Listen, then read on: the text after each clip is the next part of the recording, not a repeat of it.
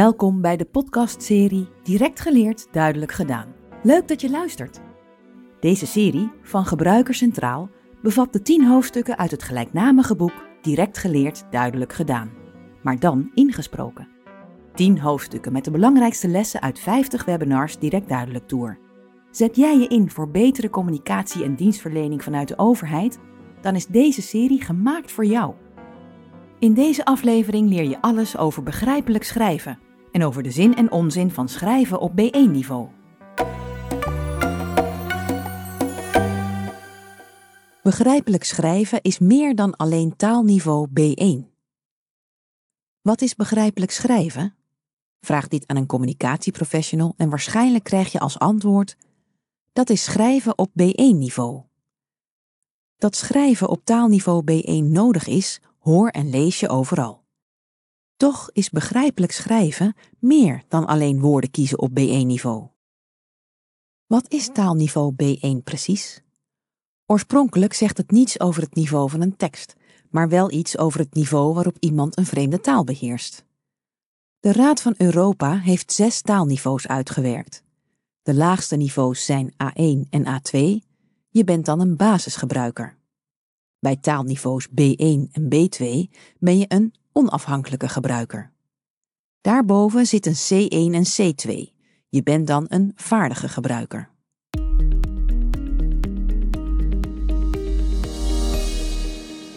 Waar komt schrijven op B1-niveau vandaan? Taal- en communicatiewetenschapper Karel Jansen legt uit waar schrijven op B1-niveau vandaan komt. Rond 2006 koppelde een Nederlands tekst- en communicatiebureau tekstmoeilijkheid en de zes taalniveaus aan elkaar. Dit bureau vond dat je over een tekst kunt zeggen of die is geschreven op B1-niveau. Anders gezegd, of die tekst begrijpelijk is voor mensen met een leesvaardigheid op niveau B1. Die tekst is dan automatisch ook begrijpelijk voor mensen op B2-niveau, was het idee.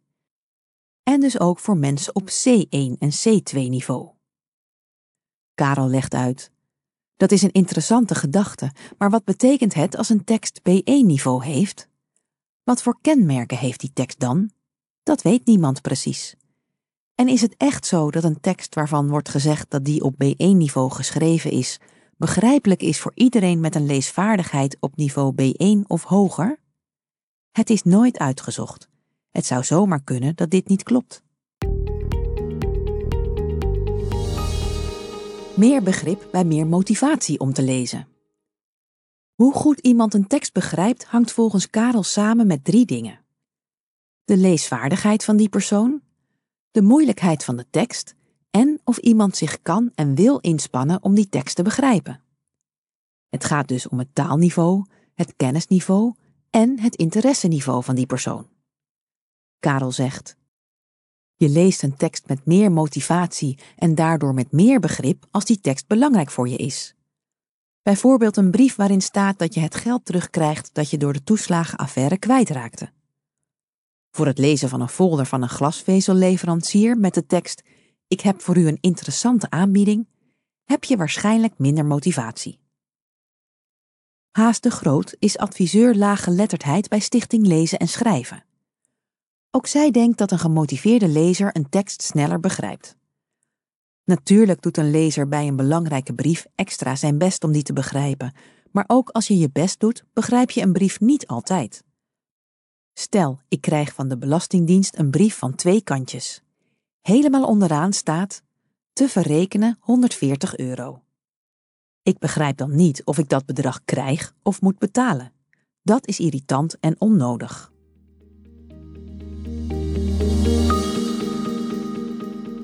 Noem het niet B1, maar 3V.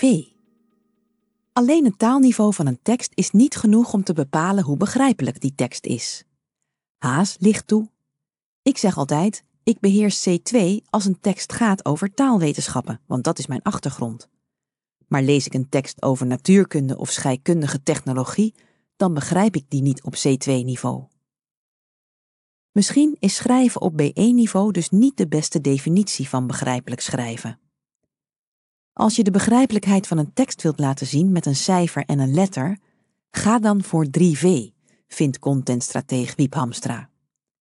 Vriendelijk, volwassen en vertrouwenwekkend. In een tekst die daaraan voldoet, gebruik je de juiste woorden voor jouw doelgroep. Misschien soms met een moeilijk woord, omdat dit nodig is om iets uit te leggen. Maar dat is dan volwassen taalgebruik en daar profiteren alle lezers van.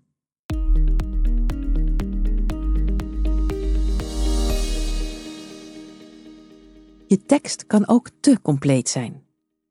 Er is nog iets wat teksten soms minder begrijpelijk maakt: de neiging van organisaties om alles te willen vertellen.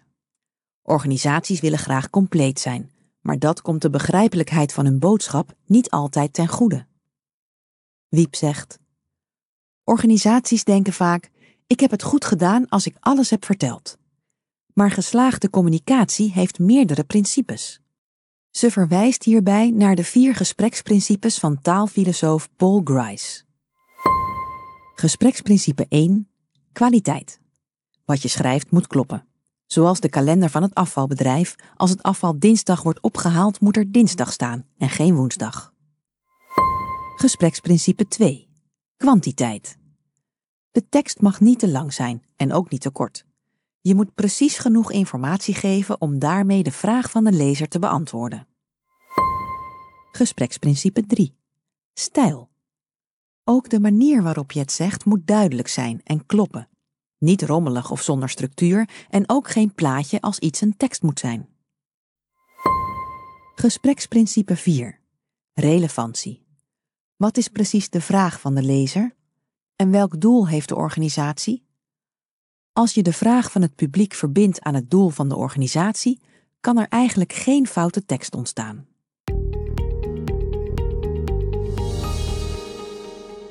Tips om begrijpelijk te schrijven. Wil je begrijpelijk teksten schrijven, dan is het slim om rekening te houden met meer dan alleen de woordkeuze. Want een begrijpelijke tekst maak je op woordniveau, op zinsniveau en op structuurniveau. Volg voor een begrijpelijke tekst deze vier stappen. Stap 1. Houd rekening met je doel en met je lezer. Stap 2. Zorg voor een duidelijke opbouw en samenhang. Stap 3. Gebruik begrijpelijke woorden en zinnen. Stap 4. Maak tijd voor een laatste controle. Uitleg bij de vier stappen. Stap 1. Houd rekening met je doel en met je lezer. Vraag je af wie je lezer is. Wat weet je lezer al en wat nog niet? Overschat je lezer niet. Stel jezelf alle vragen die de lezer zou kunnen stellen. Wie, wat, waar, waarom, wanneer en hoe? Bepaal wat je doel is. Stel jezelf de vraag: wat moet de lezer doen na het lezen van de tekst? Bijvoorbeeld, de lezer moet hondenbelasting betalen, begrijpen waarom de gemeente een subsidie niet toekent of begrijpen waarom besloten is dat er een nieuw parkeerterrein moet komen. Let op dat je niet te veel doelen of acties in één tekst beschrijft. Dat kan verwarrend zijn voor de lezer. Bepaal welk middel het best past bij je boodschap en bij je lezer. Kun je het best een brief sturen, iemand bellen of een filmpje op je website plaatsen? Spreek de lezer rechtstreeks aan. Of je u of je zegt hangt af van je doelgroep en van wat bij je organisatie past. Als je een aanspreekvorm kiest, gebruik dan steeds dezelfde. Kies een aanspreektoon die bij de situatie past. Bedenk hoe jij zelf op de boodschap zou reageren als je in dezelfde situatie zat. Plaats je niet boven de lezer. Gebruik geen afstandelijke of dreigende taal. Stap 2. Zorg voor een duidelijke opbouw en samenhang. Zet in de titel van je tekst de kernboodschap. Houd de titel kort, maar wees wel duidelijk. Gebruik geen vage en nietszeggende titels. Dit geldt ook voor de onderwerpregel van e-mails. Begin je tekst met de kernboodschap. Begin ook elke volgende alinea meteen met de belangrijkste informatie. Groepeer de informatie in deelonderwerpen. Laat die deelonderwerpen goed aansluiten bij je kernboodschap. Verdeel je tekst in alinea's met witregels ertussen. Maak voor elk deelonderwerp een nieuwe alinea. Zorg er dus voor dat elke alinea één deelonderwerp behandelt. Zijn er pagina's op een website waar de lezer meer informatie kan vinden? Voeg in e-mails en webteksten dan linkjes toe naar die informatie. Geef alleen links die nuttig zijn voor de lezer. Maak er een betekenisvolle linktekst van. Dus niet klik hier, maar bekijk het programma. Stap 3. Gebruik begrijpelijke woorden en zinnen. Gebruik zoveel mogelijk alledaagse taal, oftewel verzorgde spreektaal. Kies woorden die iedereen vaak gebruikt. Je vindt ze bijvoorbeeld via de website ishetb1.nl. Gebruik alleen vaktermen als de boodschap zonder die term vaag of omslachtig wordt. Leg een vakterm uit als je lezer die waarschijnlijk niet kent. Schrijf afkortingen voluit. Dus niet IPV, maar in plaats van. Maak je zinnen actief en concreet. Vertel duidelijk wie iets doet of moet doen. Gebruik zo min mogelijk de hulpwerkwoorden worden, zijn of zullen in combinatie met een voltooid deelwoord. Dus niet uw aanvraag wordt door ons beoordeeld, maar wij beoordelen uw aanvraag. Schrijf kort en bondig, zonder overbodige woorden. Stap 4.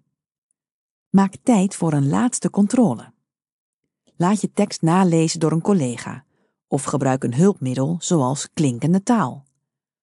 Ook websites zoals zoekeenvoudigewoorden.nl en schrijfassistent.be kunnen je helpen. Laat mensen uit je doelgroep je tekst lezen, bijvoorbeeld via een lees- of gebruikerspanel. Kijk op www.gebruikerscentraal.nl voor een overzicht van hulpmiddelen voor duidelijke communicatie. Wil je meer horen? Luister dan ook naar een van de andere afleveringen van Direct Geleerd Duidelijk Gedaan. Nieuwsgierig naar de Direct Duidelijk Tour? Bezoek dan directduidelijk.gebruikerscentraal.nl. Tot de volgende aflevering.